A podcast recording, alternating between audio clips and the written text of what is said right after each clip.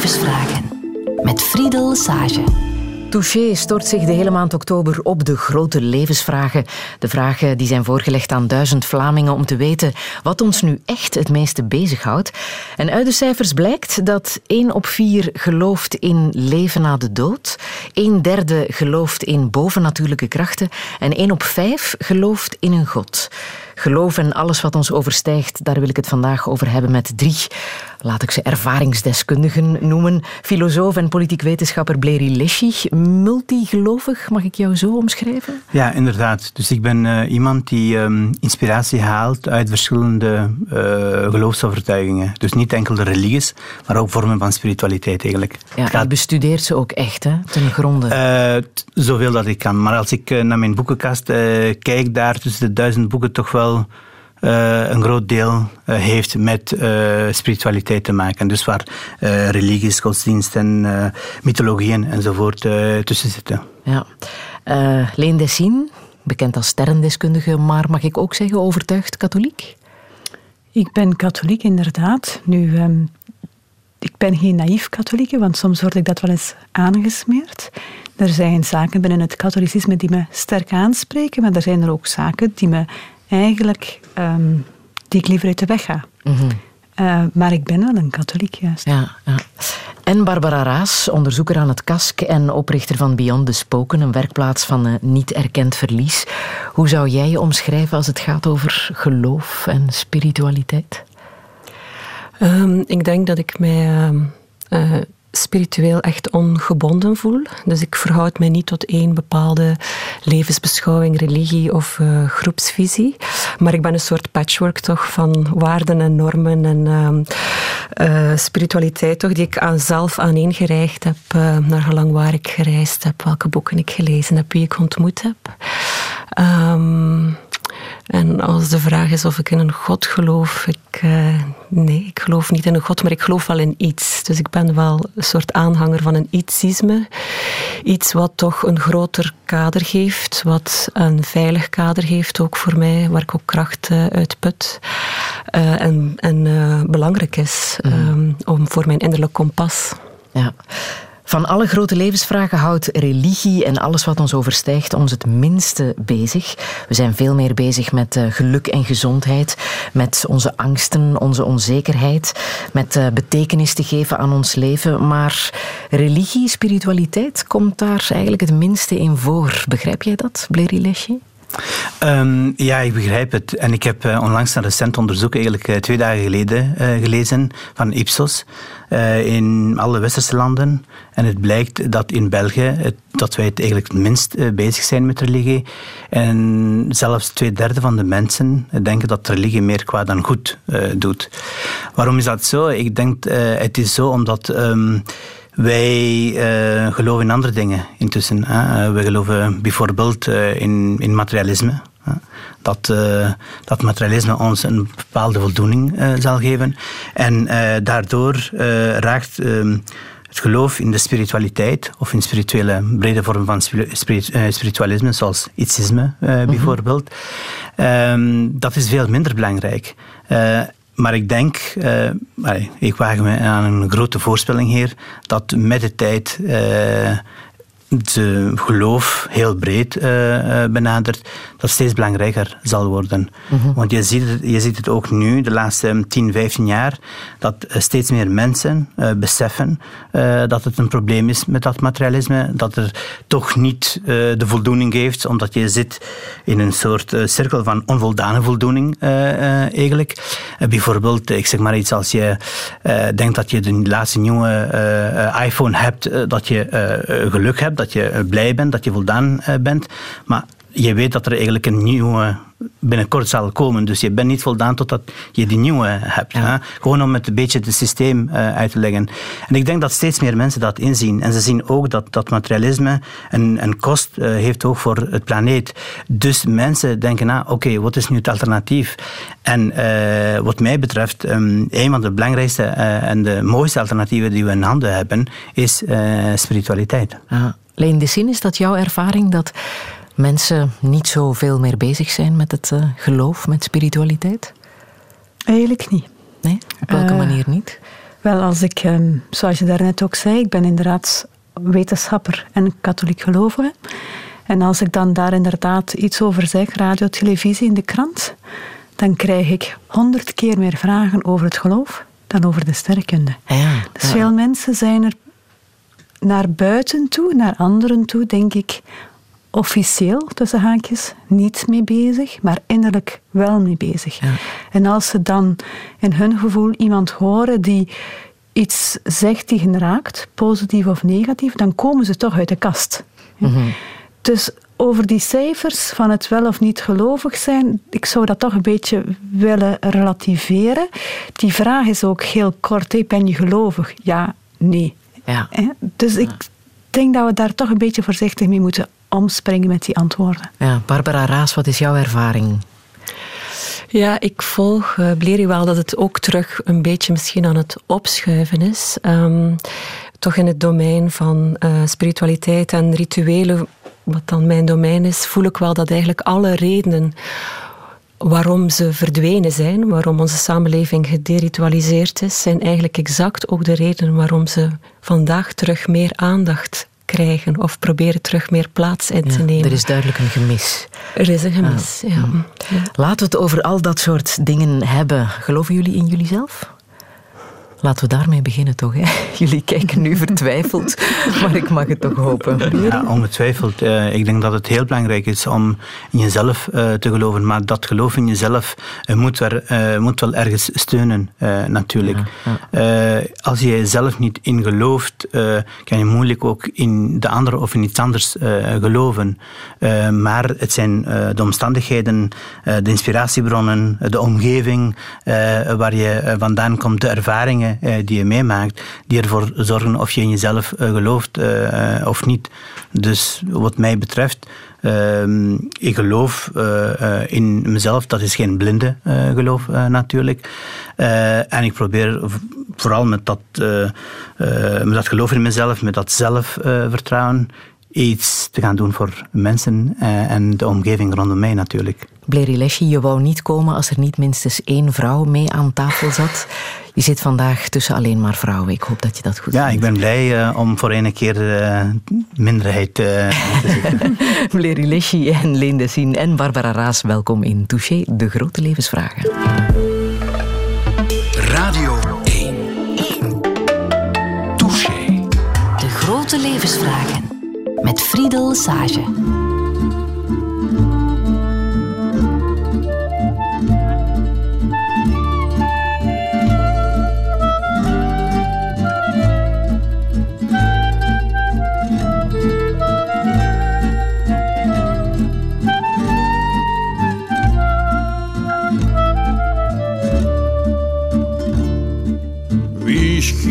De moslims en wie schiep de joden? En Taliban-volk van Afghanistan. Wie schiep de heimatloze zigeuners en de katoenplukkers van Oezbekistan? Schiep Yahweh misschien ook de pygmeeën en bedacht hij voor de Eskimo's dat ijskoud lot en die dorre woestijnen voor de magere berbers. Of was dat Allah, was dat Jehovah of God? Die dorre woestijnen voor de magere berbers. Of was dat Allah, Jehovah of God?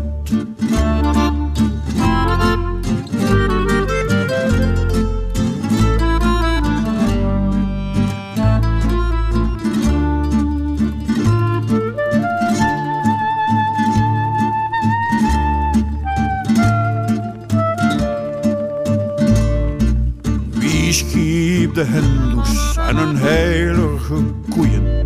En dan volk dat daar op straten kreveert. Heel handig die kasten en die wedergeboorte. Zodat de pascha daar rustig regeert. Wie verzond al die verstekkende fabels en die flauwekul en dat ultiem paradijs voor de zelfmoordkrijgers, de blik naar achteren en verstand op nul.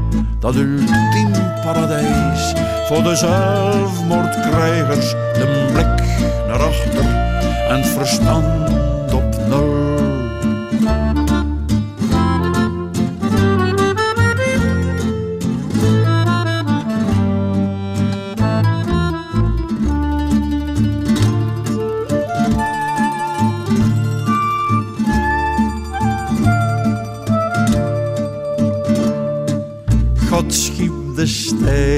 In amper zes dagen de wereld aan het eindeloos firmament. Maar de zevende dag viel hij diep in slaap. Al dus dat naïef vertellement. We weten zo weinig van zoveel geheimen, van kleuren en rassen en het waarom van het heelal. En zo bedacht de mens zelf zijn schepper. Elk volk zijn godje dat hem beschermen zal. Zo bedacht de mens zelf zijn schepper. Elk volk zijn godje dat hem beschermen zal.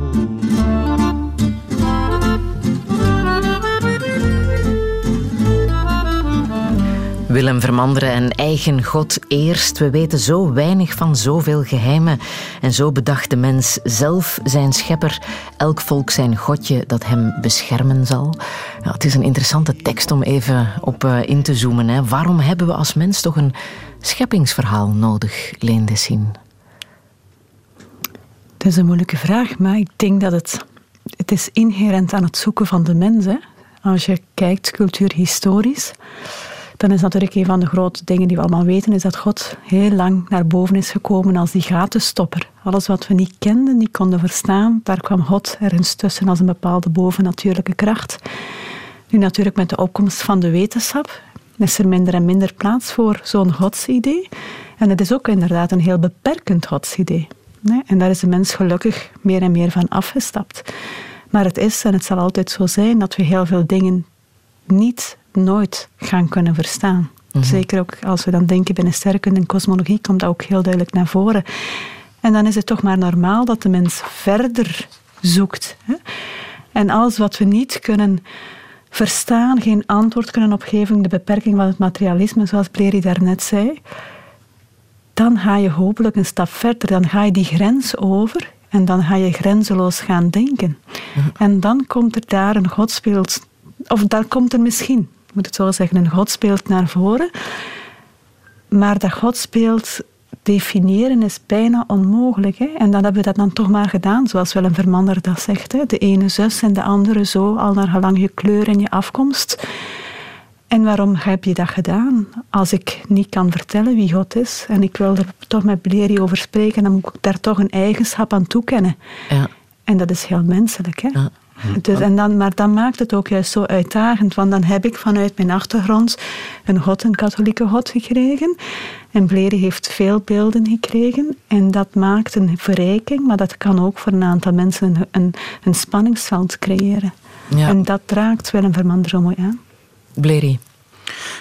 Om te beginnen, het is belangrijk om te zeggen dat, um, dat ik mezelf niet godsdienstig noem. Hè? Uh, Hoewel je wel katholiek bent opgegroeid. Ik ben katholiek opgegroeid en ik haal enorm veel inspiratie uh, uit het christendom in, in breed. Hè. Dus niet uh, enkel uit het katholicisme, maar uh, ook uit het protestantisme en het orthodoxe kerk enzovoort. Maar um, ik geloof niet in een God Um, maar dat staat me niet tegen om multigelovig te zijn. Ik geloof zeker niet in God zoals het uh, voorgesteld wordt in, het, in de monotheïstische religies. In God, uh, in God die straft en beloont. Mm. Dat is absoluut niet mijn idee van God. Uh, mijn idee van God is veel breder en veel vrijer. Um, en ik ben van mening dat de mens moet en hoeft niet eh, eh, zeg maar, ehm, dat idee van God eh, op te vatten. Mhm, ja. Dus eh, al, al, dat, eh, al, al dat die moeilijke vragen op die spanningsvelden enzovoort, eh, ook al ben ik multigelovig, die zijn er absoluut niet bij mij, omdat ik niet met die vraag eh, eh, bezig eh, ben, maar eerder waar kan ik eh, voor mezelf en voor dat wat ik wil doen eh, in deze samenleving inspiratie eh, uithalen. Dus dat heb je ook. Hè. Dat is een beetje nieuw. Als ik, zeker met jongeren eh, in mijn omgeving, eh, daarover spreek, dan, dan, dan, dan verschieten ze. Ja, maar wat is dat, eh, multigelovig zijn? En je legt dat, je legt dat uit en, en dat helpt. Maar het is wel waar, eh, ehm, eh, wat je zei, het heeft te maken met je omgeving. Wel, ik ben opgegroeid in Albanië, een land dat vier officiële religies heeft. Ik heb bij mij thuis ehm, eh, katholieke feesten gevierd, eh, paganistische feesten gevierd, eh eh, Bektashi-feesten gevierd, eh, moslimfeesten gevierd. Eh, dus het, het gaat niet enkel om de feesten. Hè. Als je bijvoorbeeld in een, in omgeving eh, opgroeit waar je in contact komt met eh, mensen die andere overtuigingen hebben enzovoort, en daar eh, geen spanning is, integendeel uh, eerder de verrijking zoekt, ja, dan zorgt het ervoor eigenlijk dat ik mij vandaag um, multigelovig uh, noem. Was ik opgegroeid in een andere context, dan weet ik niet of ik uh, mezelf uh, zo zou definiëren. En het laatste wat ik wil zeggen ook, uh, maar het feit dat, dat, um, dat in Albanië geloof eerder een persoonlijke zaak is. En toch wel wat aangepast wordt aan, aan uh, de traditie hè? Dus, en de cultuur, de Albanese cultuur, maakt eigenlijk dat wij um, eerder de, naar dingen gaan zoeken die we delen.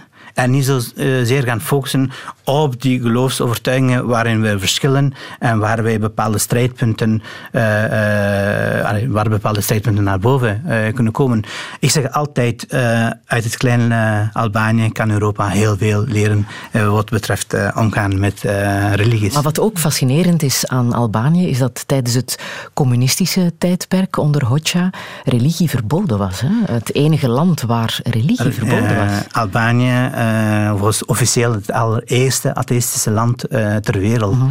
En trouwens, uh, over uh, um, atheïsme gesproken, um, als ik zeg dat ik multigelovig ben, laat dat duidelijk zijn, ik haal enorm veel inspiratie ook uit het humanisme. Ja. ja. dus uh, voor mij mensen die uh, zeggen dat ze humanisten uh, zijn, ja, voor mij dat is ook.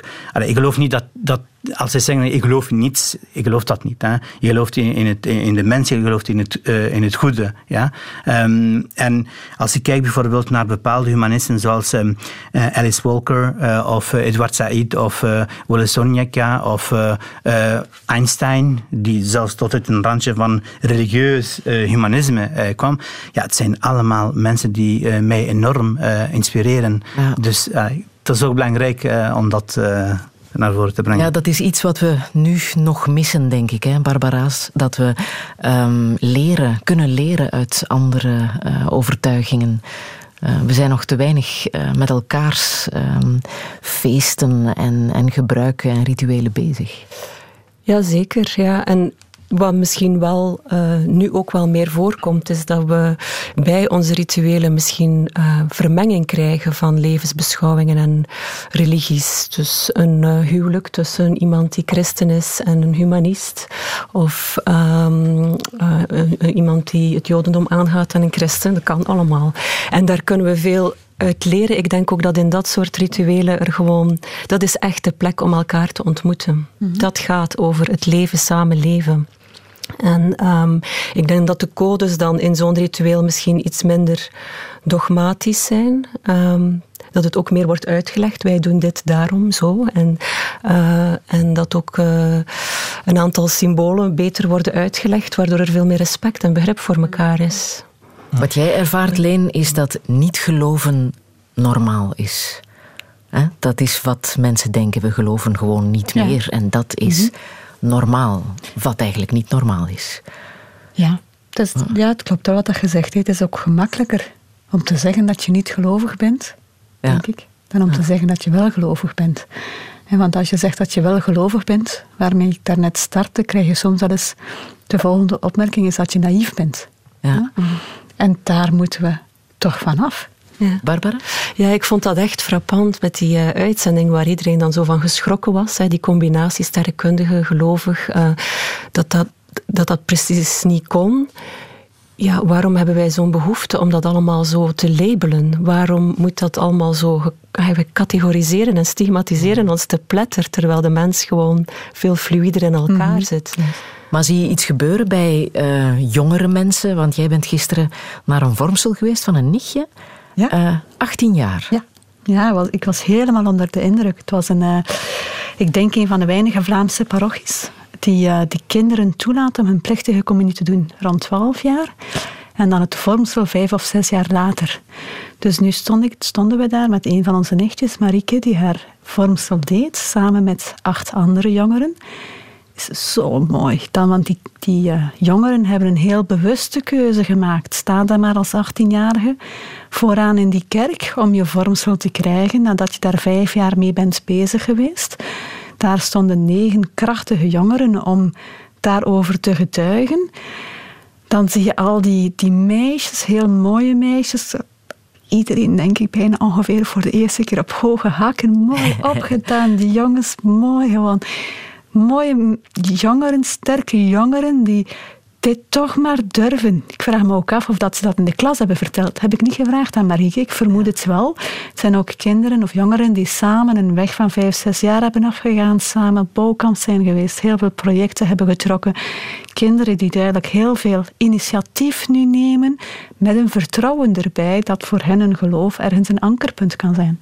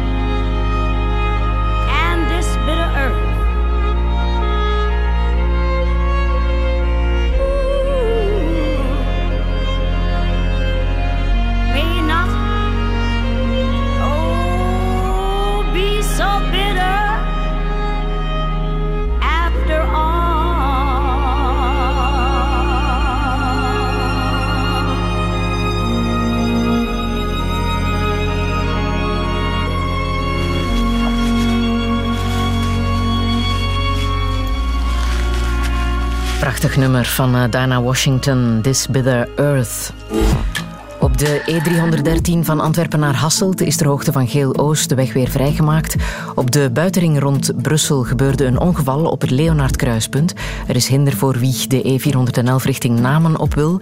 En nog door een ongeval is op de E40 van Brussel naar de kust op de afrit Sindenijs-Westrem de linkerrijstrook dicht. Vanaf 12 uur wordt op de E34 de Zelzatentunnel in beide richtingen afgesloten en dat tot morgen vroeg 5 uur. Omrijden kan via de R4. Radio 1. Touché. De grote levensvragen. En dat prachtige nummer van uh, Diana Washington, This Bitter Earth, was een keuze van uh, Barbara Raas. Barbara Raas, uh, waarom dit nummer? Hm. Um, ze hadden mij eigenlijk gevraagd om een uh, spiritueel nummer door te geven. Ik vond dat heel moeilijk, omdat voor mij spiritualiteit eigenlijk vooral in stilte heel, dat ik heel veel antwoorden in de stilte vind. En dat is voor de radio niet zo handig natuurlijk. maar um, dit nummer is echt, um, ja, dat, dat krast gewoon zo diep in je ziel. Ja. Um, het zijn eigenlijk twee nummers. Hè. Het is een vermenging van uh, Dinah Washington, This Bitter Earth uit de jaren 60, met uh, On the Nature of Daylight van uh, Max Richter dat in 2010 gemixt is. En toen ik voor het eerst de combinatie, ik kende die twee nummers apart, en toen ik voor het eerst de combinatie van die twee hoorde, uh, ja, pff, dan verander je gewoon in een plas. je hebt een aantal jaren geleden het roer van jouw leven behoorlijk uh, omgegooid. En dat heb je gedaan met een, een, ritueel. Je hebt daarvoor een ritueel georganiseerd um, om je eigen leven een nieuwe start mm. te geven.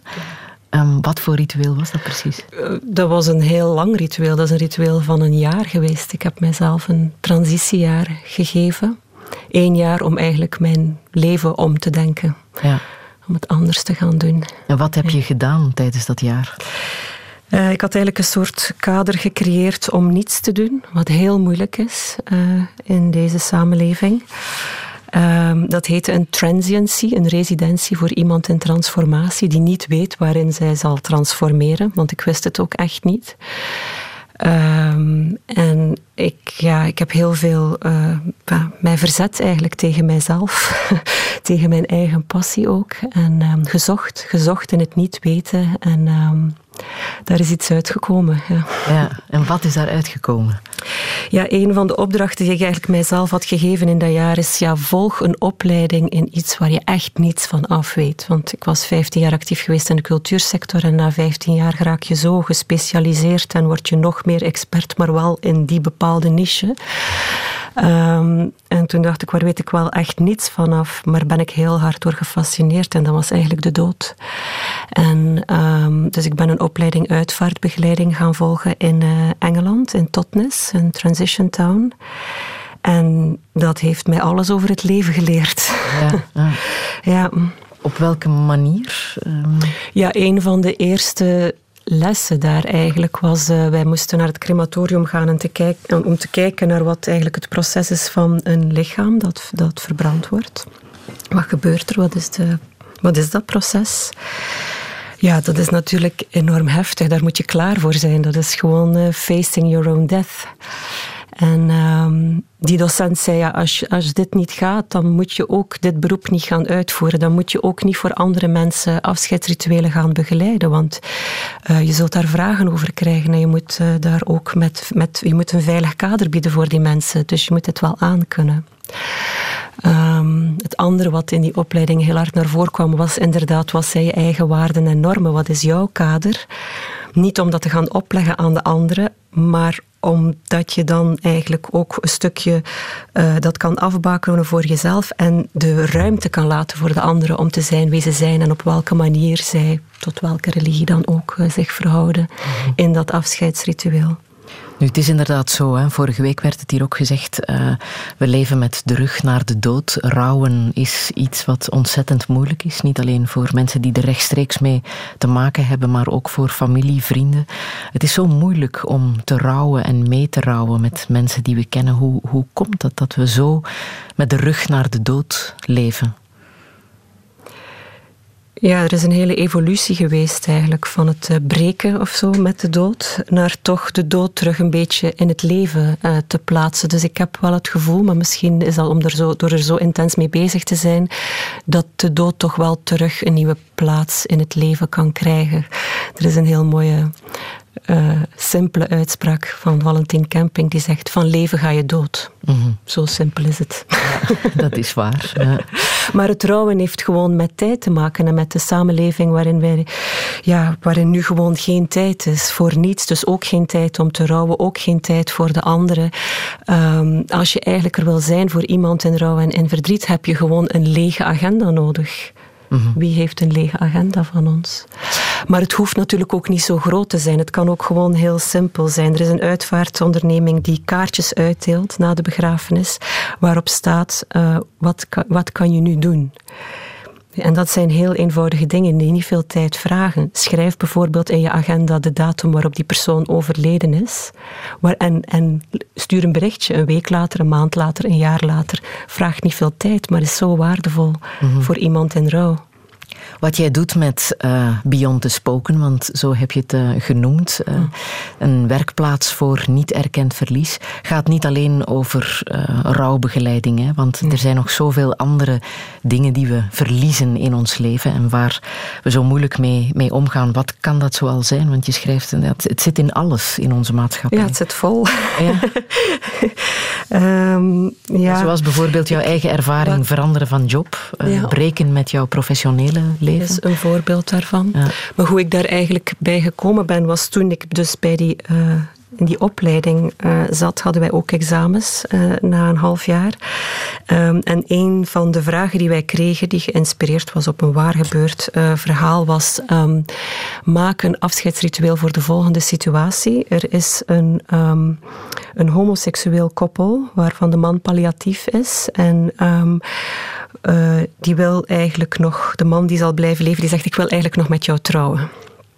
Maar dat gaat niet. Op dat moment in Engeland is het homohuwelijk niet gelegaliseerd.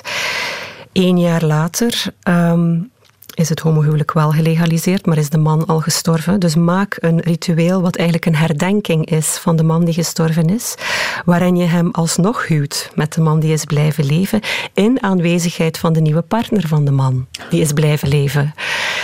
En voor mij was dat echt, dat moment, die vraag was echt een, uh, ja, toen had ik het. Toen wist ik van, dit is wat ik wil doen. Onze samenleving is zo hard aan het veranderen. Familieconstellaties veranderen. Mensen zitten, uh, het zit allemaal niet meer zo klassiek in elkaar, maar we hebben geen tools als het gaat over dat soort grote momenten. Als het gaat over betekenisgeving, dan zijn dat soort situaties echt totaal verloren. Want, uh, dus voilà, dan ben ik eigenlijk gaan zoeken, wat is dat dan niet erkende verlies? Dat gaat over scheidingen, dat gaat over nieuwe samenstellingen van gezinnen, dat gaat over abortus, dat gaat over mensen die geen kinderen hebben kunnen krijgen, mensen die veranderen van job. Ik moet de vragen komen ook gewoon tot bij mij. Ik hoef ze eigenlijk niet uh, uit te vinden. Ze, ze zijn er. Ja. Ja. Ziekte ook bijvoorbeeld, hè? het verliezen van je gezonde lichaam. Ja, dat is eigenlijk het eerste ritueel wat ik ooit gemaakt heb. Als voor een vrouw die een... Um, een dubbele borstamputatie moest ondergaan. En um, eigenlijk vond, allee, in mijn gesprek met haar werd heel duidelijk dat zij op geen enkele manier werd voorbereid door het ziekenhuis. Wel voor wat er medisch met haar zou gebeuren of fysiek zou veranderen, maar niet hoe dat, wat dat met haar zou doen uh, als vrouw. In haar vrouwelijkheid, uh, seksualiteit, haar spiritualiteit, haar alles zou veranderen. Dat wist ze, maar ze voelde zich onvoorbereid. En toen hebben we eigenlijk um, ja, met acht andere vrouwen een ritueel gedaan de dag voor ze uh, moest geopereerd worden. En um, ja, wat, dat heeft mij echt ook heel hard doen inzien dat je heel veel dingen gewoon proactief kan doen. Onze zorg zit op dit moment zo in elkaar dat wij nadien, als die vrouw nu getraumatiseerd was geweest door haar uh, operatie, omdat uiteindelijk is totale Frankenstein op, uh, op je lichaam die gebeurt, uh, ja, dan zeggen wij als maatschappij hier vijf, vijf sessies bij de psychiater en ehm, zo is het ook wel opgelost. Hè. Jij als individu moet het gaan oplossen, terwijl we eigenlijk ja, daaraan voorafgaand als gemeenschap veel voor iemand kunnen doen. Ja. En wat hebben die mensen toen gedaan voor die vrouw? Uh, wat we tijdens het ritueel hebben gedaan, zal, ik, kan ik eigenlijk niet vertellen, omdat het te intiem is. Maar ik kan u wel vertellen dat we ook een cirkel hadden van. Um, uh, eh, een grotere cirkel van veertien uh, mensen, mannen en vrouwen. Uh, en ik, de operatie duurde veertien uur en ik had eigenlijk aan iedereen een uur gegeven. Jij van zes tot zeven, jij van zeven tot acht, jij van acht tot negen. En ik had gewoon gevraagd van op dat moment ben je met je intentie bij haar en bij zij die, op, die dan geopereerd wordt. En dat gaf zo'n andere invulling aan um, ik zal aan jou denken. Kijk, hè, morgen, ik, zal, ik weet dat je moet geopereerd worden, ik zal aan je denken. Ja, je bent aan het werk en je vergeet eraan te denken of je denkt er misschien even aan. Maar het verschil uh, wat zij als geschenk gekregen heeft, is dat ze uh, daarna, de eerste keer dat ze haar computer terug kon openen, had zij veertien foto's van wat die mensen in dat uur, dat zij um, niet bij bewustzijn was, uh, heeft, wat die mensen gedaan hebben voor haar. Ja. ja, dat moet heel erg troostend en, en verbindend geweest zijn. Daar ben ik van overtuigd. Ja. Ja. Hebben jullie ooit zo'n ritueel in jullie leven meegemaakt waar jullie nog altijd met uh, uh, mooie herinneringen aan terugdenken? Leen of Bleri? Want het is niet meer zo aanwezig hè, in ons leven. Nee, je hebt die rituelen die aan de kerk zijn verbonden, die ja. hebben we wel meegemaakt. En dan kleinere rituelen die dan soms op jeugdkampen, als je overgaat van tak op tak. Dat zijn ook altijd wel rituelen, die, maar dat zijn heel speelse rituelen. Ja. Maar nog altijd belangrijk, maar zoiets intiems, nee. Ja. Bleri? Ik uh, ben een beetje weggebladen door, uh, door wat Barbara vertelt. En moet ik heel veel uh, nadenken eigenlijk over ook die nazorg, hè, die zo weinig is. Ja, of momenten die we net niet bewust hebben ja, beleefd. Maar een ritueel, het eerste waar ik aan denk, um, is um, mijn trouwfeest. Um, ik ben getrouwd met een Belgische, Brusselse, van Turkse origine, een moslima. Ja, je had het daar straks over die, die mixen. Die, die bestaan er steeds meer, maar die worden een beetje te weinig gezien. En uh, uh, bij de, in de Turkse gemeenschap is er een ritueel. Uh, er wordt een soort, een soort iets rondom uh, de bruid gedaan hier. En dan, je moet dat losmaken eigenlijk. Hè? Dus dat stuk stof die ze rondom haar heeft. Ja, rond haar middel. Ja. En de, de getuige van de, van de man moet dat losmaken. Um, maar de oudste broer die probeert de getuige tegen te houden om dat los te maken. Zo van, mijn zus ga je niet zomaar krijgen. Ja? Uh, dus uh, de getuige moet dan een hele strijd leveren zeg maar, om dat uh, los te krijgen. En vraagt eigenlijk dan aan de broer, oké, okay, kan je die loskrijgen? En de broer zegt, ja, het spijt me, maar die is niet zomaar los te krijgen. Hè? En dan moet je zoiets geven. Hè? Ja. vroeger in de bergen in Turkije of in bepaalde samenlevingen. In Albanië hebben we ook bepaalde rituelen. Ehm, uh, dan, dan geef je iets. Hè. Dat, dat kon, wat dan ook zijn, in dat geval was een beetje geld. En dan gaf die getuige um, 50 euro. Zeg, die probeert zo gezegd die los te maken, maar dat lukt niet. En dan gaf hij nog 50 euro erbij en toen lukte dat wel. dus, maar had het voor jou betekenis, dat, dat moment? Dat dat werd uh, uh, voor, voor, voor, natuurlijk heeft het een betekenis. Het heeft, het heeft een betekenis omdat, omdat een, een, een, um, een extra band, verbinding creëert ook met de, met de, met de oudste broer van mijn, uh, van mijn vrouw. Maar... Um, uh, ik vond het heel belangrijk dat, dat de rituelen die mijn vrouw belangrijk vond bij ons huwelijk, dat die konden doorgaan. Hè. Er was bijvoorbeeld ook een imam thuis. En zo, wij zijn bijvoorbeeld niet naar een kerk gegaan, omdat ik, dat, dat is een ritueel die ik niet uh, gewoon ben uh, in Albanië, omdat dat komt ook het feit dat er atheïstisch land was en de kerken met de grond gelijk waren uh, gemaakt enzovoort. Maar een ritueel voor mij heel belangrijk was de ring. Eigenlijk. Ik weet bijvoorbeeld, mijn vader, ja, die, die altijd, die, die kon niet zonder zijn, zijn ring. Ik, van kleins af aan ik heb altijd zo mijn vader en mijn moeder zo met een ring gezien. En zoals je kan zien, dat is een, een klassieke uh, ring. Of, een, of zoals soms in mijn omgeving wordt gezegd, een opa-ring. Uh, maar ik moest per se een opa-ring hebben, omdat dat was het beeld wat ik rondom mij had. En nu, als ik die eruit moet doen, dan voel ik me zo naakt. Dan voel ik me eigenlijk onvolledig. eh, zonder die ring. Dus dat is ook een vorm van, eh, eh, van ritueel. Absoluut. Ja.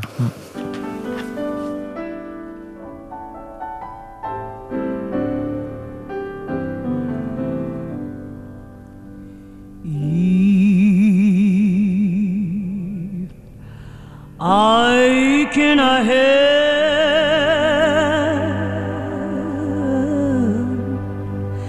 somebody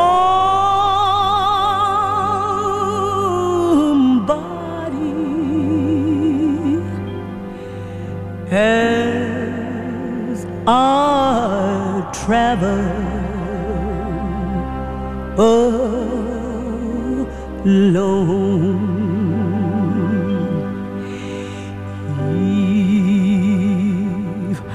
I can have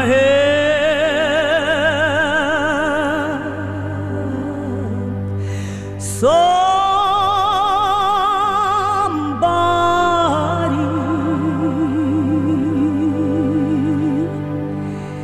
in a word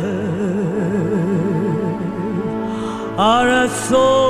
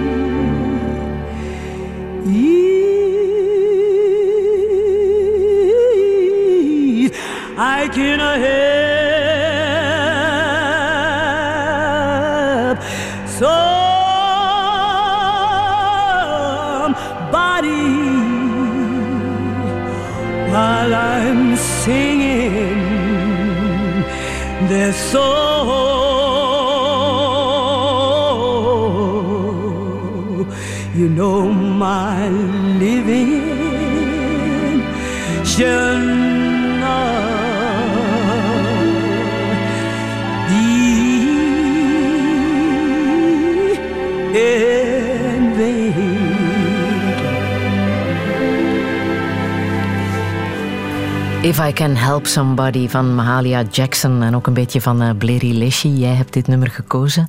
Waarom precies? Welke betekenis heeft het voor jou? Mm, het was heel moeilijk om een nummer te kiezen om te beginnen.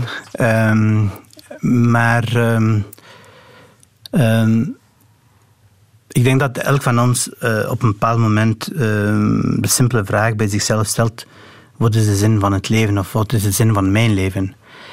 En dat is een vraag die ik ook aan mezelf uh, heb gesteld. En voor mij, de zin van mijn leven is uh, door te kijken eigenlijk wat kan ik doen voor andere mensen. Wat kan ik doen voor de omgeving rondom mij. Dat is ongelooflijk belangrijk voor mezelf om betekenis te geven aan mijn leven. En het is ook tegelijk een zeer uh, spirituele vraag omdat uh, als je kijkt naar uh, godsdiensten, als je kijkt naar religies, um, als je kijkt naar al die spirituele, uh, spirituele vormen, daar komt het ook altijd terug. Ja. Dus in hoeverre ben je bezig met de ander? En de titel If I Can Help Somebody maakt dat ook heel duidelijk. En dat is een gospelnummer van The Queen of the Gospel, Amalia Jackson. En ehm, ja, dat, dat is het eigenlijk uh, voor mij. Dus, uh, Zij zong ook, uh, en dat was allicht ook de zin van haar leven tijdens de massademonstratie in 63 um, tegen de rassendiscriminatie op vraag van Martin Luther King. Dat was ook haar drijfveer, hè? racisme aan de kaak stellen. Ja, um, zeker weten. En Martin Luther King bijvoorbeeld is ook een van die, mijn inspiratiebronnen. en als ik eigenlijk ook kijk naar mijn inspiratiebronnen, Martin Luther King of, uh, of Paulo Freire of uh, Bell Hooks of um, Gwendolyn Zora Simons. Het zijn allemaal mensen die die multigelovig zijn.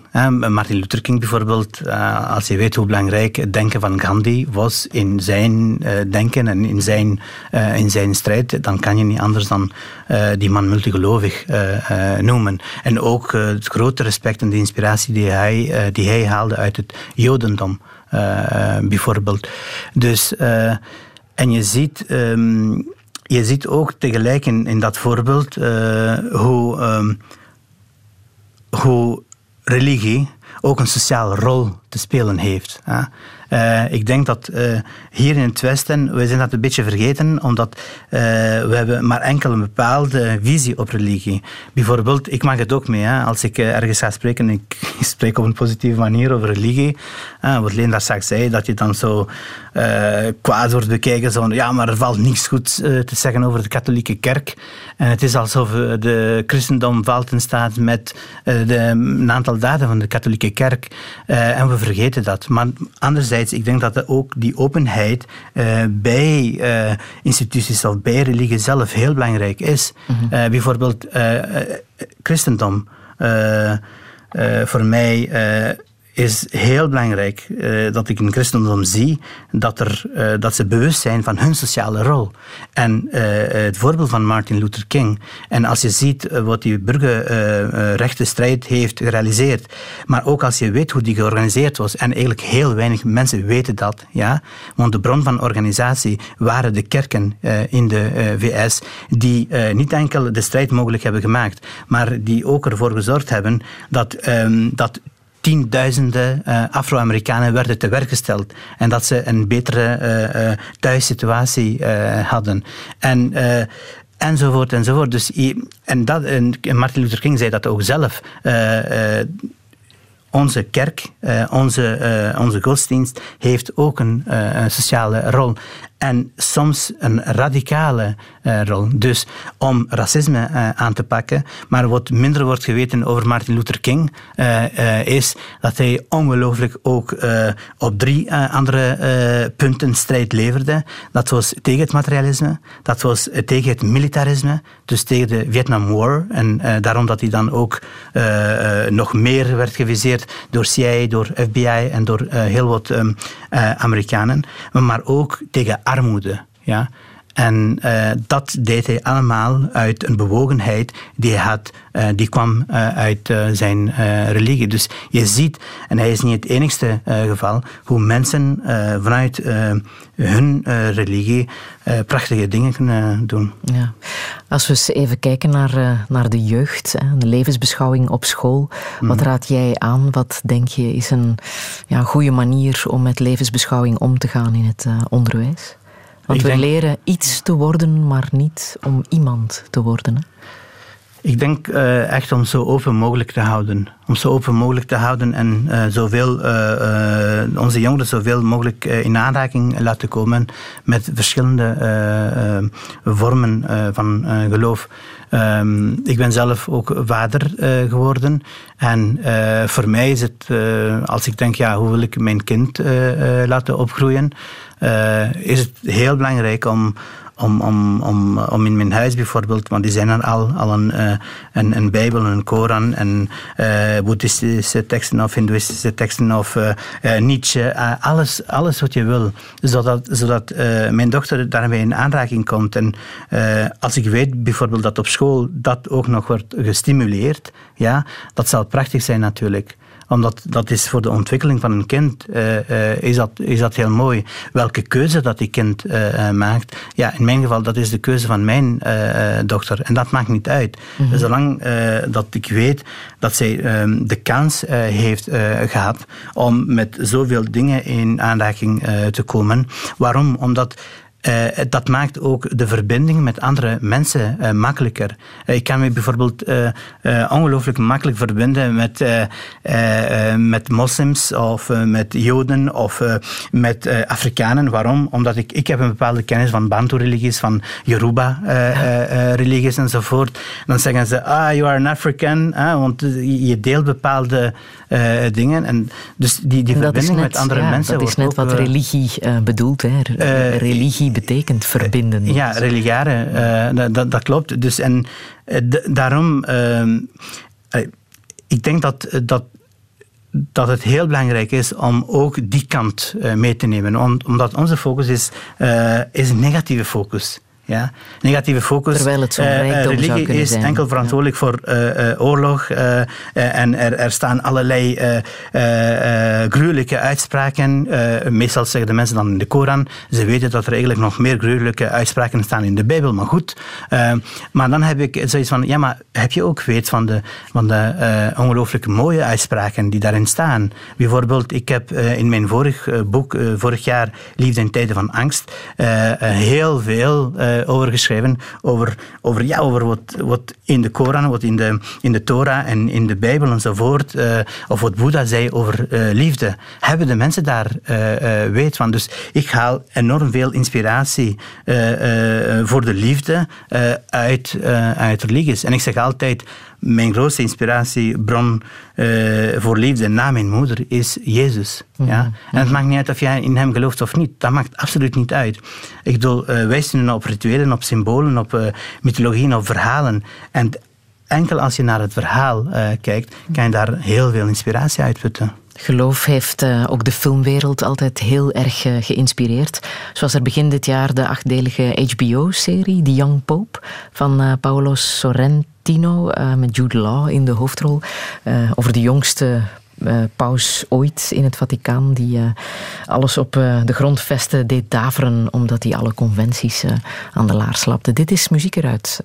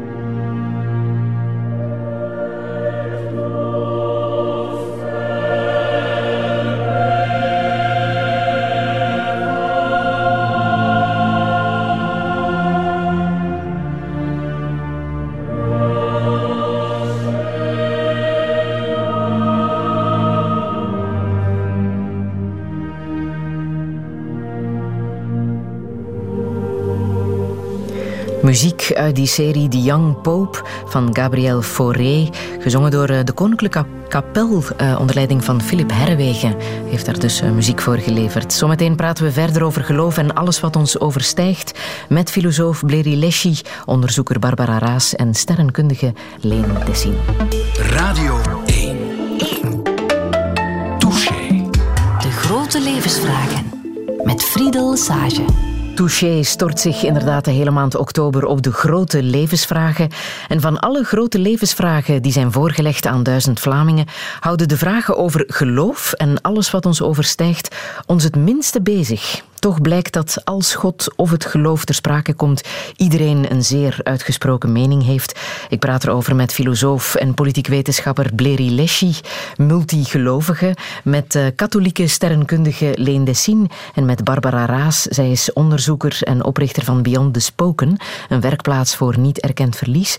En zij omschrijft zichzelf als een aanhangster van het ietsisme. Dit zijn de grote levensvragen in Touché. Een zeer goedemiddag. Now I've heard there was a secret chord that David played and it pleased the Lord. But you don't really care for music, do you?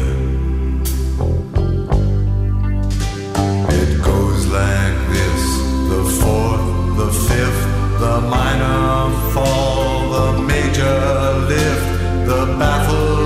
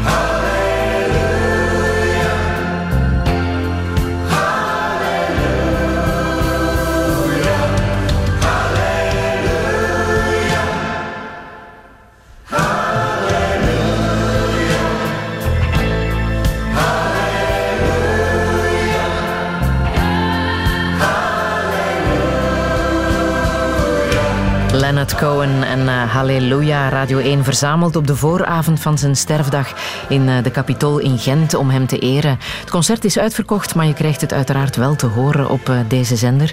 Leen Dessine, je hebt dit nummer gekozen. Past natuurlijk perfect in ons onderwerp religie en spiritualiteit. Het is een man die een heel traject heeft afgelegd hè, als het gaat over geloof. Ja, ja, ja, hij heeft duidelijk ook gezocht gedurende zijn leven wat voor hem een geloofsboodschap kon zijn. Hè? Ja, in een monnikenklooster uh, gezeten, Joods uh, begraven in Montreal, mm -hmm. uh, bij zijn ouders. Ja. En welke betekenis heeft het nummer voor jou?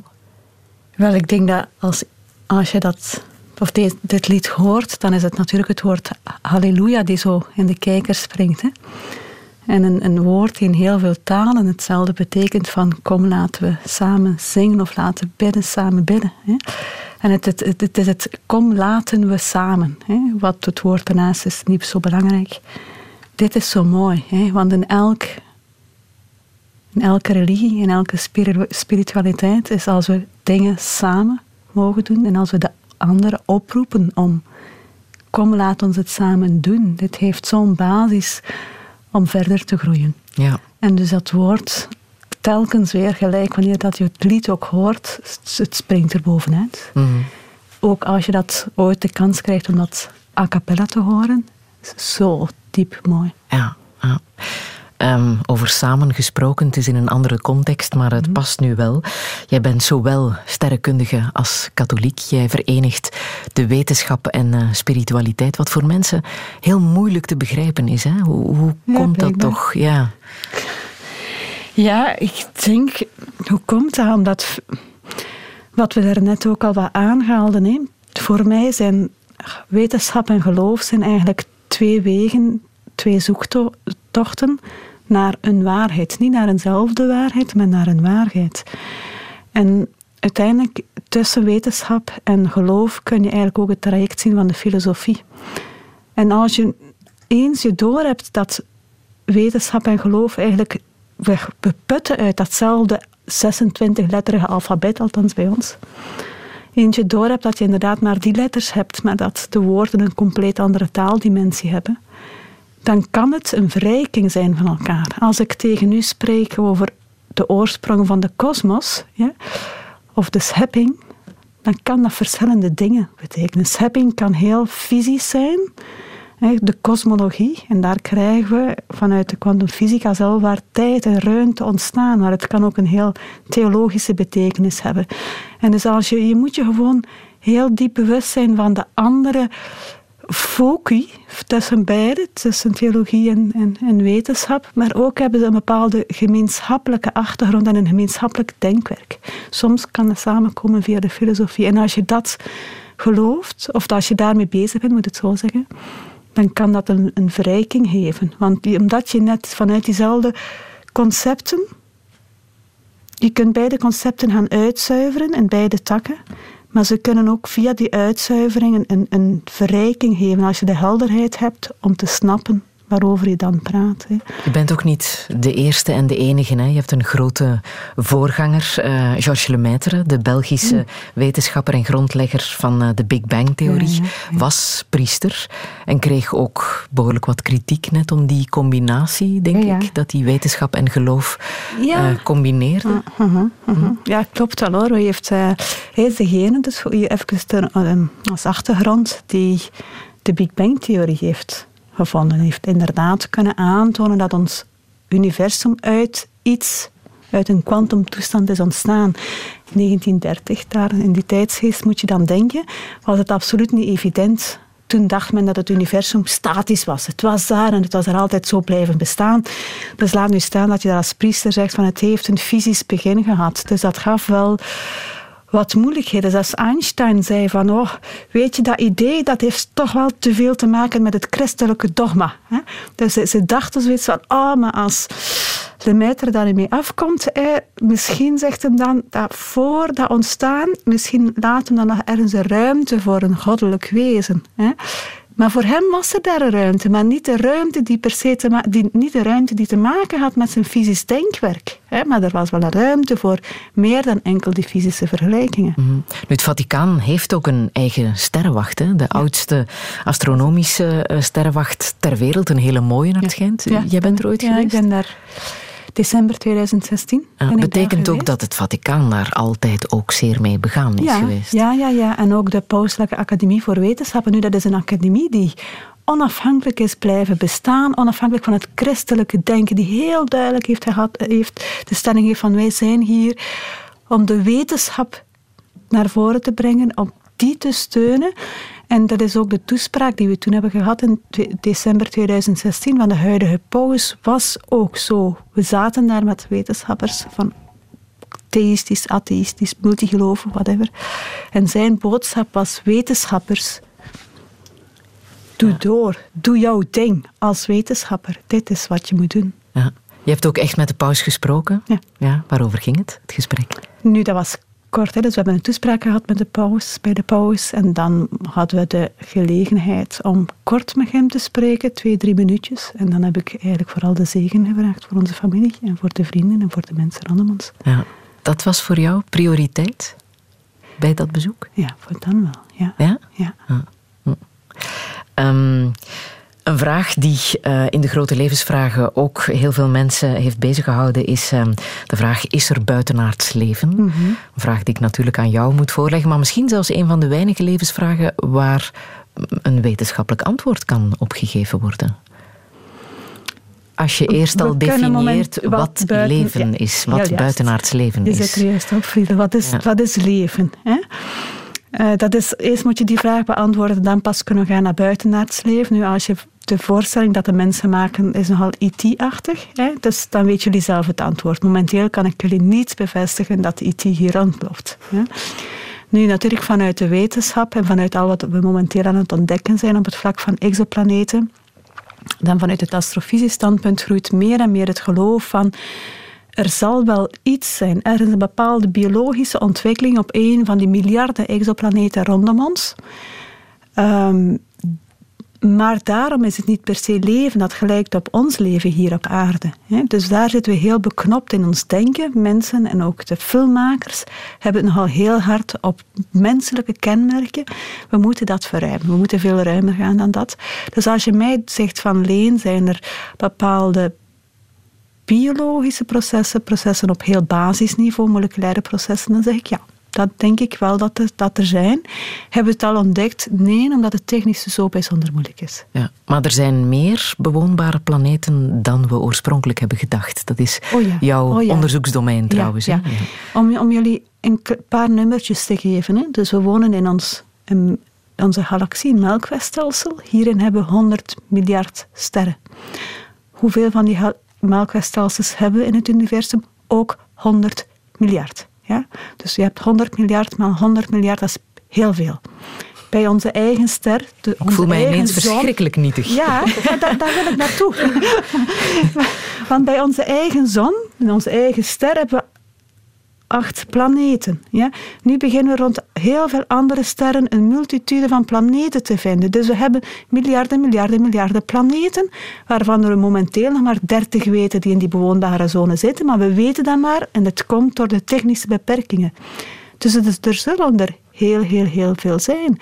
En inderdaad, Friedel, hoe nietig zijn wij dan? Maar anderzijds ook, hoe uniek zijn we dan dat wij toch maar met, het, met ons beperkte geest dit allemaal kunnen ontdekken en toch kunnen vatten en daar een verhaal over kunnen vertellen. Ja, waarom is dat onderzoek zo fundamenteel? Onderzoek naar de kosmos, iets dat zo ongrijpbaar is? Jawel, als je, als we, we hebben nu al over de grote levensvragen gehad, maar een paar jaar geleden heeft Science, het wetenschappelijk um, tijdschrift Science, heeft de vraag gelanceerd: welke vragen houdt jullie bezig? En dan, dan stonden in die top 100 vragen, stonden in de top 20 allemaal vragen die te maken hadden van waar komen we vandaan, hoe is het universum ontstaan, zijn we alleen op deze wereld, mm -hmm. in, in dit universum. En dus die vraag, zijn wij alleen, dat triggert zoveel. Van het is niet alleen als als wetenschapper dat dat zo is. Maar onderstel nu eens, Friedel, dat we inderdaad buitenaards leven tegenkomen. En nu blijkt dat buitenaards leven toch net iets meer of verder ontwikkeld te zijn dan wij. Dan sta ik daar als wetenschapper. Want als wetenschapper ben ik gedreven om antwoorden te zoeken op vragen, op dingen die ik nog niet ken. Ja. En dan, wat voor impact heeft dat op mijn eigen beeld als ik dan plotseling besef waar ik op naar zoek ben? Dat weten die al allemaal. Dan krijg je toch als hoe ga je daar als wetenschapper mee omgaan? Ik weet het nog niet. Hè? Hoe ga je daar ook politiek, religieus, sociologisch, hoe ga je mee omgaan op juridisch vlak met signalen van buitenaards leven. Dus het is niet alleen puur wetenschap, we zoeken daarachter, maar het heeft ook een heel... Een maar wat verwacht je? Verwacht je dat er ooit nieuws komt dat er effectief buitenaards leven is, waarmee we waarmee we kunnen dealen, om het zo te zeggen? Als je mij een tijdschema vraagt, tussen binnen nu en 10, 20 jaar gaan we dat nog niet kunnen vertellen. We gaan indirecte aanwijzingen vinden met de huidige technologie en de nieuwe raketten die worden gelanceerd. Gaan we indirect kunnen zeggen van daar zitten er waarschijnlijk biologische processen, maar ik ga er nog niet mee kunnen communiceren. Misschien in de tijdslijn 2040, 2050.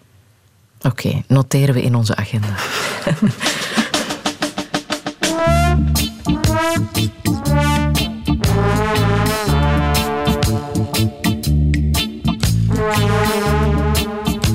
Ga zitten,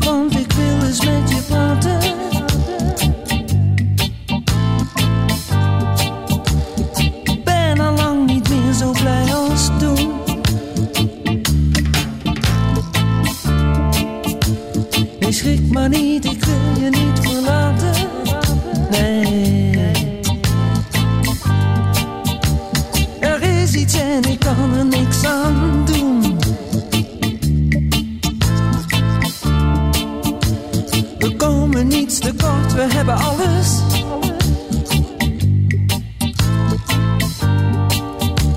Een kind, een huis, een auto en elkaar.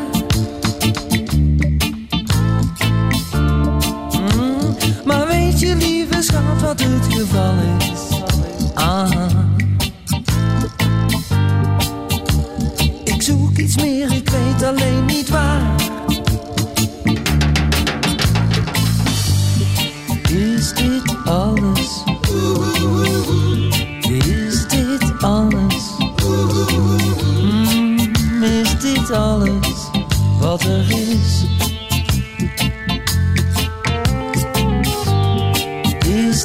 alles? Oh, is dit alles? Is dit alles wat er is? Ja.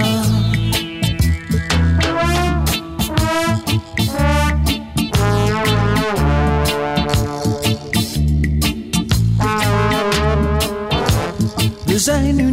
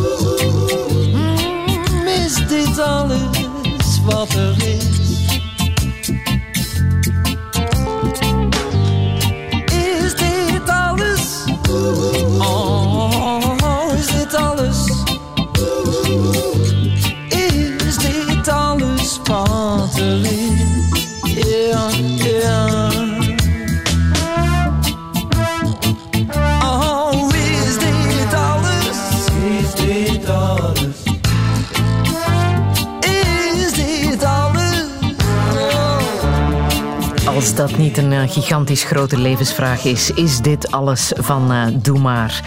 Ik wil even met jullie, Leen Dessine, Bleri Leschi en Barbara Raas, um, naar een van de vragen uit het onderzoek, uh, die toch wel betekenisvol is geweest voor uh, uh, het hele onderzoek. Um, we hebben de mensen de vraag gesteld, hebben jullie al iets aangrijpends meegemaakt waardoor je anders naar het leven bent gaan kijken? Blijkt dat mensen die daar ja op antwoorden ook veel intenser met de grote levensvragen bezig zijn. Leen Dessine, is dat in, in jouw geval zo?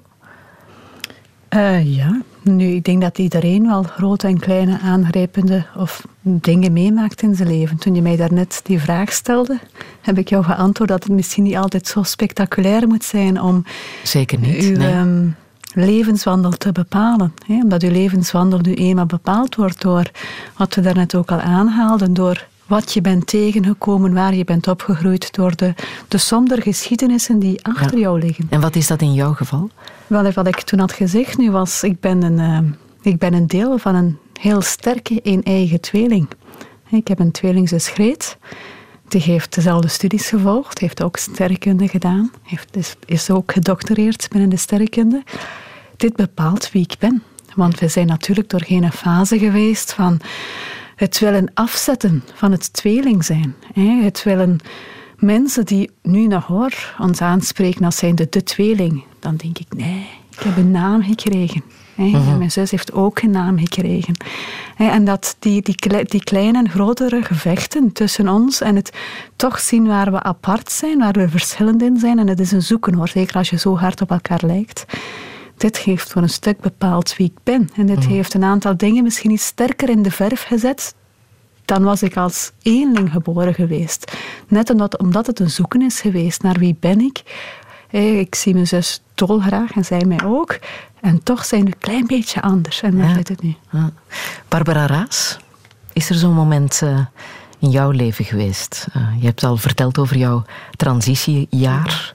Er was een bodem voor, hè? Daar, ja. Ja. Er was een reden voor.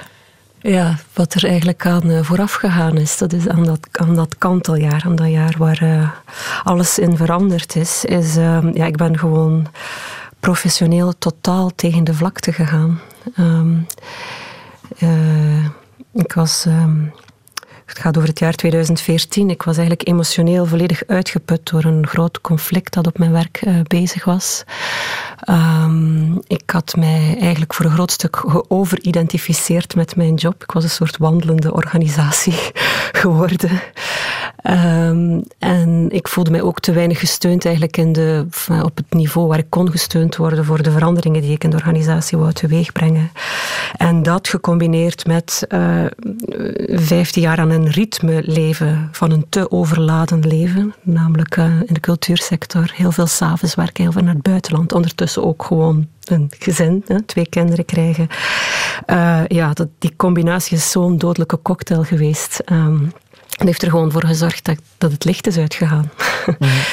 en um, uh, dat was uh, heel heftig. Um, Hoe heftig was dat? Ja, ik heb toch denk ik een week of twee niet, uh, niet gesproken. Um, of toch bijna niet gesproken. Het heeft ook uh, toch wel 18 maanden geduurd om daarvan te herstellen. En eigenlijk, eigenlijk ben ik daar nog altijd niet van gerepareerd. Dat gaat ook niet meer komen. Maar dat is oké, ik vind het wel goed zo. maar ik zal nooit meer het energiepeil hebben dat ik had. Um, ik denk dat dat ergens op zo drie vierde gestopt is. Um, uh, dus ja. Mm-hmm. Maar je hebt uit die ervaring natuurlijk wel een nieuw leven opgebouwd. Hè? Wat je ja. nu doet, had je niet gedaan als je dit niet had doorgemaakt. Ja, dat is juist. Maar dat is ook een heel bewuste keuze geweest. En ook een heel moeilijke keuze geweest. Ga ik terug naar die job die mijn echte passie is, die ik doodgraag doe, uh, waar ik alles voor gegeven heb? Um, of ga ik nu echt gewoon mij laten vallen en zoeken wat, waarom dit allemaal gebeurt? Er moet toch iets groter aan de oorzaak liggen van waarom dit mij nu eigenlijk uh, juist overkomen is. Um, ik had een soort beeld. Um, voor ogen van een, fabel die ik ooit gelezen had uh, over selkies. Selkies zijn uh, mannen en vrouwen die eigenlijk ook een zeehondenhuid aan hebben. En uh, op midzomernacht zwemmen die naar de rotsen van de Shetland-eilanden. En daar dansen ze, daar ontdoen ze zich van hun zeehondenhuid, worden ze gewone mannen en vrouwen. En daar dansen ze onder de volle maan en bedrijven de liefde. En tegen ochtends doen ze die zeehondenhuid terug aan en zwemmen ze, de vrouwen dan zwanger van nieuwe selkies, terug de zee in. En ik voelde me echt zo'n zeehond eigenlijk. Ik voelde me echt zo... Ik moet vervellen, ik moet mij ontdoen van iets wat heel hard aan mijn botten kleeft. Iets waar ik echt verslaafd aan was, namelijk het werken in die kunstensector. En uh, om te vinden wat mijn kern is. Mm. Ja, en dat, dat, heb je, dat heb je ook gedaan. Ja, ja dat heb ik, dat, dat heb ik dan uh, uiteindelijk. En het is een lang proces geweest. Ik ben er eigenlijk nog altijd mee bezig op een bepaalde manier. Want ik verbind het ook nu. Eigenlijk mijn nieuw leven verbind ik ook terug met die kunsten. Dus ik, voel het ook terugkomen, maar op een andere manier. Ik sta er helemaal anders in. Mm. Het, het, het, ritueel dat je dan voor jezelf hebt georganiseerd, had daar ook met, mee te maken, hè? met dat uh, vervelproces. Ja, het was heel duidelijk dat ik een afscheid nodig had en dat ik toch echt um, moest gedragen worden in dat afscheid. Ja. ja. En dat is gelukt, daar heb je. Ja, dat is, een, dat is een, een, sleutelmoment geweest. Toen kwamen eigenlijk de dingen uit mijn persoonlijk leven samen met hetgeen ik ook aan het onderzoeken was. Dus dat was ook wel een bijzonder proces van het combineren eigenlijk van datgene wat mij zo fascineerde, terwijl het eigenlijk ook op ja, simultaan in mijn eigen leven aan het gebeuren was. Ja. Natuurelementen zijn ook bijzonder belangrijk. Ja, ik heb dat jaar eigenlijk... Uh, ja, dat is juist. Ja, dat was ik al een beetje vergeten, maar ik heb dat jaar eigenlijk echt... Uh, ik heb eigenlijk het Keltische jaarwiel gevolgd in dat jaar. En wat zij doen is... Um, uh, zij kijken niet alleen naar seizoenen, maar ook naar halve seizoenen. Dus eigenlijk om de, uh, bijna om de vijf, zes weken maakte ik toch een soort evaluatie van hey, hoe gaat het met de natuur? En dan probeerde dat te reflecteren. Hoe gaat het nu eigenlijk met mijn eigen vervalproces? En daar zaten zo hele mooie parallellen in. Ja. als je nu naar buiten kijkt, ja. we zitten echt weer halverwege een seizoen. Hè? Ja, ja, en het gaat wat terug, uh, ja, het gaat terug wat naar binnen keren natuurlijk. Hè. Dat is ook zo eind oktober, begin november. Um, het is ook niet voor niets dat die feesten rond de dood uh, universeel op dat moment plaatsvinden. Maar we krijgen terug uh, heel veel donkerte. Nu, bij de Kelten is het eigenlijk zo dat zij dan uh, nieuwjaar vierden. Dus toen planten zij eigenlijk de zaadjes. Alles gebeurt, al het begin ligt in het donker. De baarmoeder is heel donker. Dus uh, ja. Wat mij ook fascineerde in de tekst die je hebt geschreven over waar je mee bezig bent, is uh, je pleit voor ongezelligheid. Je vindt mm. dat ongezellige gesprekken eigenlijk wat meer moeten plaatsvinden. Wat bedoel je daar precies mee? Ja, dat is, ik denk dat dat hetgene is waarom ik, waarom ik zo graag met, met kunstenaars werk. Um, gewoon bereid zijn om het erover te hebben. Om de tijd ook te nemen om het erover te hebben. En weten dat iedereen zich misschien wat oncomfortabel voelt daarbij. Um, ja, dat is iets wat kunstenaars heel goed kunnen. Die wijzen naar daar waar het pijn doet. Um, en ons ook wijzen op een soort collectieve verantwoordelijkheid daarin. En ook misschien een manier van helen daarin voorstellen. Ja, ja. Wat is jouw meest ongezellige onderwerp? Laten we het er eens over hebben. Ongezellige onderwerp? Ja, ja. Uh... Wat moeilijk is en wat lastig is om op tafel te leggen, om bespreekbaar te maken. Veel. Veel. Uh, het gaat om de mensen uit hun comfortzone te halen. Het is, uh, het is vandaag enorm moeilijk om de mensen uit de comfortzone te halen. Ook al zijn ze theoretisch uh, mee, om dat werkelijk in daden om te zetten, is een andere zaak. Maar um, een thema, bijvoorbeeld, het is ongezellig om tussen mannen te zitten over seksisme te hebben. Ja. ja. Het is ongezellig om uh, voor een wit publiek te staan en over racisme te hebben. Het is ongezellig om voor een, een, publiek van hogere middenklasse te staan en over armoede te hebben. Ehm, ja, het is. Het is um, ik, heb het, ehm, ik, heb het ook in mijn laatste boek, in een brief aan mijn kind, geschreven. Ik, ik denk dat een van de grootste tragedies van onze tijd is dat problemen die we zelf niet meemaken, dat we ze niet herkennen, uh, of dat we ze zelfs niet inzien. En dat zorgt ervoor eigenlijk dat er weinig empathie is. En dat zorgt ervoor, voor iemand die die problemen benoemt, en, en dat doe ik in mijn uh, werk, uh, uit respect voor die mensen en, en, en uit uh, empathie voor die mensen. En ik ga dan ergens spreken en ik spreek, eerst benoem ik de problemen en dan de oplossingen dan komen regelmatig mensen naar mij die zeggen, ja, je eerste deel was niet zo goed, hè, maar je tweede deel was wel goed. uh, en je ziet, het gaat eigenlijk, mensen willen, uh, willen niet uh, over deze ongezellige dingen horen. Maar als je het wel doet, kijk naar de hashtag MeToo van afgelopen week, uh, ja. waar vrouwen hun uh, ervaringen over uh, seksuele um, lastigheid, zal ik het noemen, delen, dan explodeert alles. Hè? Ja, en, maar, en ik ben heel blij dat die hashtag is er gekomen, omdat er, je ziet dat, er, dat het probleem veel, veel groter is. En trouwens, toevallig ben ik ook de persoon die de de hashtag Daily Racism heeft gelanceerd een aantal ja. jaren geleden. Wat ook die nog steeds wordt heeft, gebruikt. Uh, ja. die toen duizenden en duizenden hashtags en vooral um, op Facebook langere verhalen boven heeft gebracht. En toen waren ook heel wat mensen gechoqueerd door, door de trauma's die heel wat mensen met migratieachtergrond ehm, door het racisme hadden opgelopen. Hè. Ja. Is er bij jou een onderwerp dat jij als extreem ongezellig ervaart als je het durft op tafel leggen bij vrienden of familie? Leendessin? Er zijn er vele. Want we zitten nu eenmaal in een maatschappij waarbij dat we gespiegeld worden dat we gelukkig moeten zijn. Ja. Dat is een beetje ook gekomen door de sociale media. Ik heb dat ook gevoeld toen ik drie jaar geleden ziek was door een tumor in de borst. Is dat, er, dat je dan plotseling alleen, of heel veel alleen bent. Er zijn heel veel mensen die niet durven op bezoek komen. Want het is nu eenmaal niet zo gezellig om iemand thuis te zien zitten met trains aan zijn lichaam, dat er bloed uitkomt, hè, omdat het nu eenmaal wat moeilijker was gelopen. Veel, je, je ziet plotseling een hele differentiatie in de mensen die je kent. Je hebt er die daar zo mooi los doorstappen en binnenkomen. En die daar letterlijk staan met soep en eten. En dit is belangrijk. Je kunt mm -hmm. denken, maar zo, die soep hè, is zo belangrijk. Ik heb dan mensen waarvan, waarvan je denkt, die gaan komen, maar die durven niet. Je mag hen dat ook niet kwalijk nemen. Maar dus het niet... Ik weet, een van die levensvragen wat bovenaan stond bij die grote levensvragen was uw gezondheid. Wel, als het moment dat die gezondheid het fysisch of mentaal, en mentaal is het nog veel moeilijker, laten afweten, dan wordt die cirkel plotseling heel klein. Mm. Je hebt het ook ervaren bij de geboorte van jouw jongste dochter. Hè? Medisch gezien was er heel veel aandacht, want ja. het liep behoorlijk fout.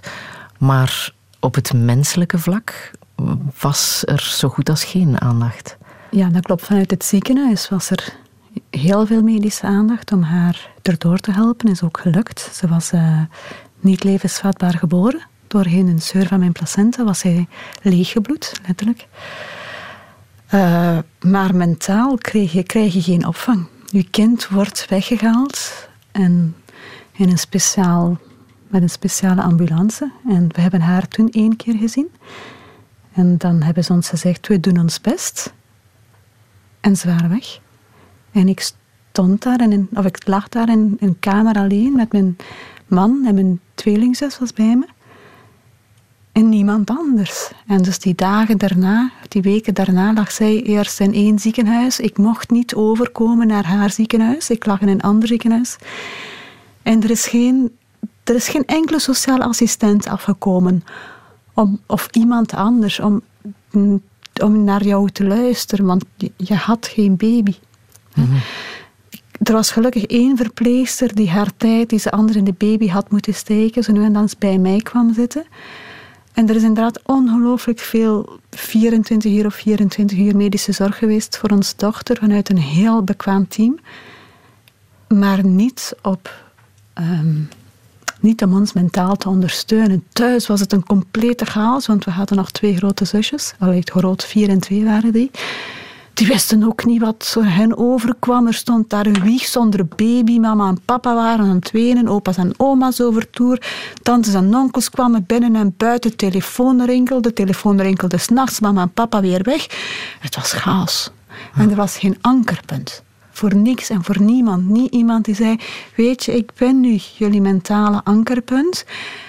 En ik ga ook even een aantal dingen praktisch op nemen. En we zorgen samen, misschien wat Barbara daarnet ook zei. Hè, je hebt ook op dat moment bepaalde rituelen nodig om voor dat kind zo. Maar je hebt zelf geen inspiratie, geen aandacht ervoor. En er is niemand die het jou aanreikt. En je zit in een gesplitst gevoel van ik wil bij mijn kleine baby zijn, maar ik heb ook die twee zusjes die ik moet opvangen. En ik wil borstvoeding geven, althans, ik moest dan kolven. En ik, je weet het niet. Er is geen, geen opvang. Komt dat nu nog ter sprake? Die moeilijke tijd van de geboorte van je jongste dochter, Ja. praten jullie daar nu nog over? Ja, en zelfs mijn jongste dochter vraagt daar nu heel veel achter. Ze is nu elf. Eh, ze vraagt heel veel van wat is er dan gebeurd allemaal. Want ze probeert dat voor haar ook ergens te vatten, omdat ze, ze ziet dan bij, door andere kleintjes die geboren worden wat het normale proces kan zijn. Ze weet dat dat bij haar anders is geweest en je voelt dat ze daar echt mee bezig is. Van, wat is er dan gebeurd en wat is er niet gebeurd en waar was ik dan en waar was jij dan? Dus ze probeert dat ergens wel een, een beeld van te krijgen. Mm, wat nodig is, hè? Ja, ja.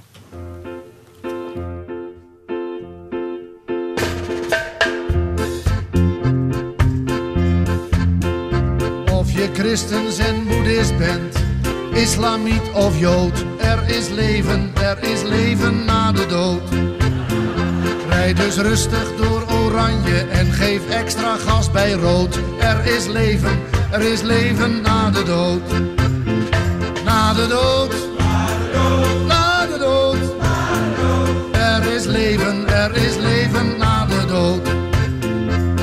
gerust wat Engels rundvlees bij je groente of op brood. Er is leven, er is leven na de dood. Als je weg wilt uit Tirana, pak eens voor de gein de boot. Er is leven, er is leven na de dood. Na de dood, na de dood, Er is leven, er is leven na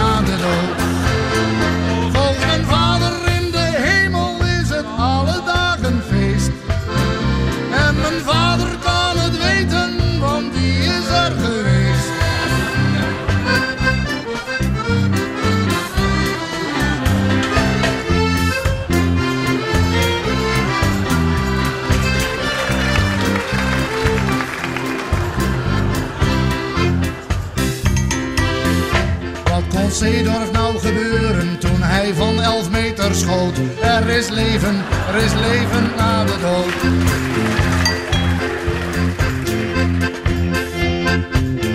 Steek je snikkel zonder rubber in een hetero of een poot. Er is leven, er is leven na de dood.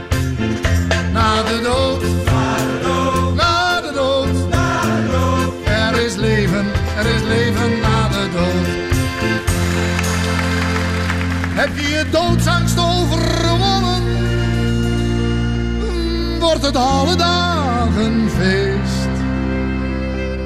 Dus vandaag maar vast begonnen. Voor je het weet, ben je er geweest.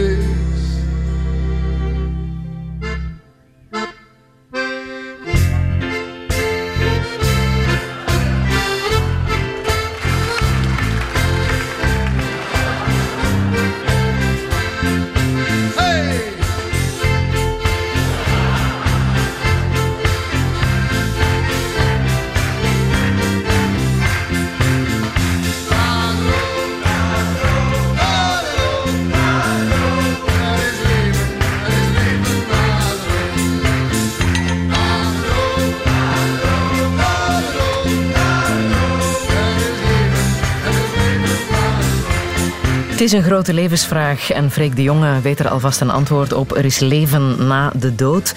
Eén op vier denkt inderdaad dat er leven is na de dood. Maar wat denken jullie, eh, Barbara Raas?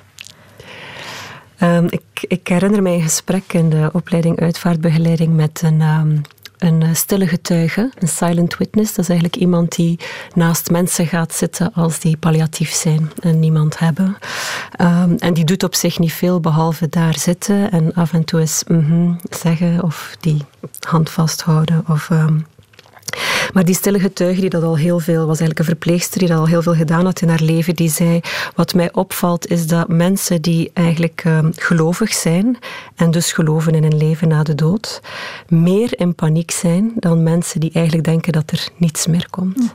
Omdat ze alsnog misschien denken van, misschien heb ik toch niet genoeg gedaan, misschien heb ik toch niet genoeg vergeven, misschien heb ik toch niet genoeg gebeden, misschien... Uh, dus dat was haar uh, conclusie. Ik vond dat wel, mm -hmm. vond dat wel frappant. Ja. Ja. Bleri Leschi, wat denk jij? Is er leven na de dood? Uh, ik weet het niet. Um, ik weet het niet en gelukkig dat ik het niet weet. Ik hoef het niet per se te weten. Voor mij, wat ik wel weet, is dat dit is een leven dat aan mij is gegeven. En uh, ik het beste uh, van moet proberen te maken. En dat is ook trouwens een boodschap dat je in veel uh, religies ook ziet. Hè? Dus het leven dat je is gegeven, het is voor iets aan jou gegeven en je moet daar het beste van maken. Ik vind het jammer dat er bepaalde mensen in sommige godsdiensten zeggen, ja, het gaat om het leven na je dood en niet om dit leven. Hè?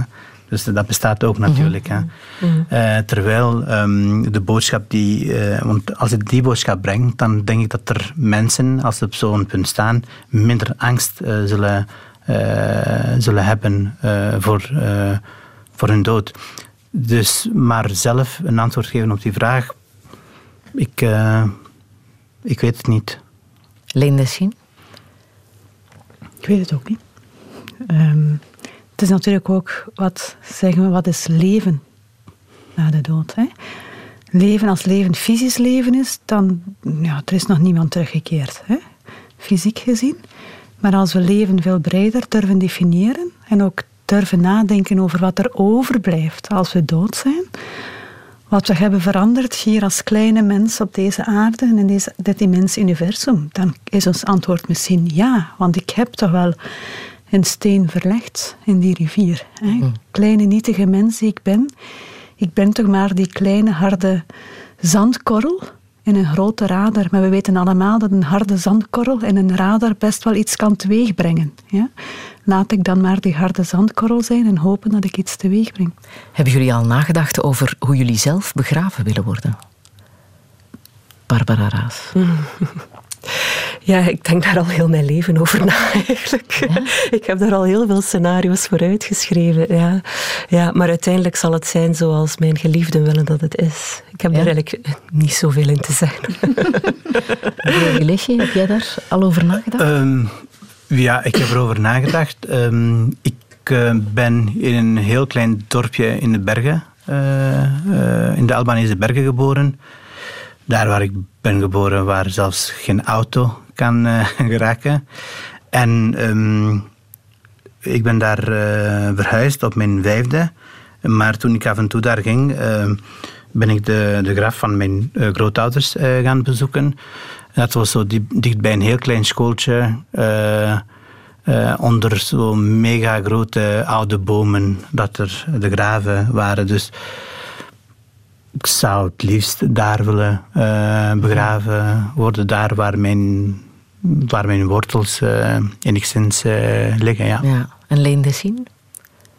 Ja, ik laat het ook over aan zij die mij graag zien. Ja. Ik heb wel eens aan hen gezegd wat ik graag zou zien staan op mijn grafzerk. Als ze het dan zouden onthouden, zou ik Ik wil jullie ongelooflijk eh, bedanken voor uh, uh, dit gesprek um, met een boek van De Grote Levensvragen, alsjeblieft. Wel. En tegelijkertijd vraag ik ook heel erg graag welke boeken jullie hebben gelezen en waar jullie echt iets aan hebben overgehouden als het gaat over het leven beter proberen te begrijpen. Bleri Leschi. Oh. Een boekenrondje. Dat, dat was ook een... Uh, een grote levensvraag. Moeilijk, uh, ja, inderdaad. Moeilijk uh, kiezen. Maar ik heb, um, ik heb gewoon bij mezelf dan gekeken welk boek heeft het um, op een bepaalde periode echt iets voor mij betekend. En dat was Brieven aan een jonge dichter door Reiner Manja Rilke. Um, het heeft op dat moment veel voor mij betekend. het is ook een auteur die die mij inspireert, die niet altijd even makkelijk te vatten uh, is, die ook dat religieuze uh, in zich heeft. En ja, dat is ook eigenlijk daarom waarom, de reden waarom ik mij multigelovig noem, of waarom ik geloof belangrijk vind, is in België zijn er misschien de mensen die gelovig zijn in minderheid, maar in de wereld zijn ze in de meerderheid. Ja. Dat moeten we niet vergeten. We zitten in een heel erg dualistische samenleving. Uh, maar er zijn andere plekken in de wereld uh, waar dat niet zo is, waar geloof wel een, een, een, belangrijke rol in speelt. En voor mij, ik ben gefascineerd niet enkel door, door geloof, maar ook door de mens. En wil je de mens serieus nemen, dan moet je ook diens geloof serieus uh, nemen. En net om, om, om diens geloof serieus te nemen, is het werk van Rilke bijvoorbeeld uh, voor mij enigszins uh, inspirerend. Ja. Linde Sien, welk boek heb jij gelezen dat jou het leven heeft geleerd? Ja, veel boeken natuurlijk. Hè? Maar toen je die vraag stelde, dacht ik... welk boek kan ik ook meegeven aan anderen, aan jongeren, aan mensen, kinderen, aan volwassenen. Dus ik wou een breed publiek aanspreken. Ik heb uiteindelijk gekozen voor het boek die ik nu zelf bij me heb van Toon Tellegen. Misschien wisten zij alles. Het is zo'n boek dat je altijd wel... Je kunt het pakken en je kunt een blad openslaan en je kunt één iets lezen en het heeft jou... Je kunt het gewoon als verhaal vertellen aan de kinderen. Je kunt het verder nemen. Je kunt het wat filosofisch met gaan gaan interpreteren. Je kunt het voor jezelf houden. Je kunt het als een stukje gebruiken als je een brief schrijft naar mhm. iemand. Je kunt er zoveel mee doen. Ja, via dierenfabels hè, vertelt hij hoe het leven echt in elkaar zit. Barbara Raas, welke boekentip wil jij meegeven? Uh, ik heb gekozen voor uh, De Baron in de Bomen van uh, Italo Calvino. Ehm, het is een, um, een heel mooi verhaal van een jongetje, de zoon van een baron, die um, uh, zijn eten niet wil opeten en nogal een autoritaire vader heeft. En dus uit verzet uh, kruipt hij in de bomen en hij besluit om geen voet meer aan de grond te zetten. Um, en dat is geen grap, het is gewoon heel serieus. Dus hij bouwt een boomhut en dat breidt zich alsmaar uit. Dat wordt een heel parallel systeem. Hij gaat uh, naar de boomhut, hij kan een traject maken naar de boomhut van de buren en uiteindelijk kan hij heel ver reizen is heel handig in het bedenken van systemen om aan eten te geraken, uh, om vriendschappen te ontwikkelen. Het is ook een heel mooi liefdesverhaal. Ga ik, kom ik nu toch uit de bomen? Kom ik toch aan de grond omdat ik verliefd ben op iemand? Of moet zij maar naar boven komen en in de bomen komen wonen met mij? Um, en natuurlijk wordt hij, wordt hij een beetje als een dorpsgek gezien, maar uh, het is uiteindelijk iemand die heel inventief is en alternatieve systemen bedenkt voor deze wereld. En daarom is het boek, denk ik, zo belangrijk geweest in de periode dat ik het gelezen heb, omdat je uiteindelijk toch, je hoeft niet, als je iets wil veranderen in deze wereld, hoef je dat niet per se binnen het systeem te doen. Het is daar heel goed ook om door buiten het systeem te gaan staan en daar te proberen invloed te hebben. En alle mensen die bezig zijn vandaag met het zoeken naar alternatieve toekomstmodellen vind ik gewoon echt uh, baronnen en baronessen in de bomen. ik heb het uh, laatste woord van de grote levensvragen de voorbije zondagen altijd aan uh, Raymond van het Groenwoud gegeven. Dat is bij deze aflevering over geloof en alles wat ons overstijgt. Niet anders.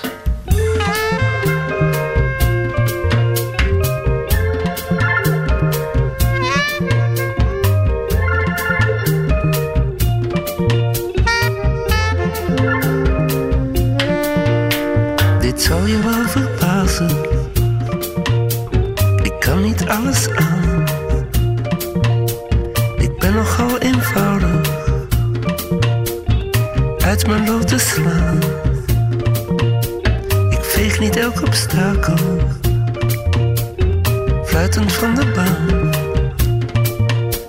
Wie had dit ooit gedacht? Zoveel bescheidenheid. Ik heb niet overal voor alles tijd. Ik ben God niet, God woont aan de overkant. God niet, ben niet tegen veel bestand. Het doseren, controleren, elke chaos te trotseren. En bij kortsluiting heel teder je aanwezigheid te eren. Het lijkt me nu wel zeker, het lijkt me nu wel. Het lijkt me nu wel zeker. Ik ben God niet.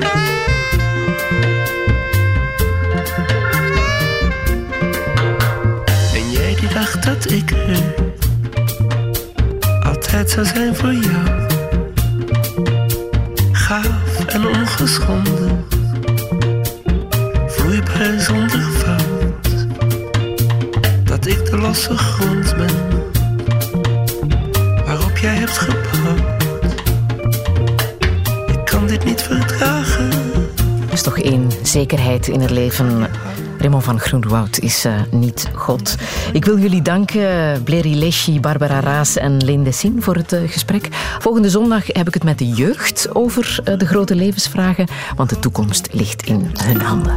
Herbeluister de grote levensvragen in Touché via de podcast, de Radio 1-app en radio1.be. Radio 1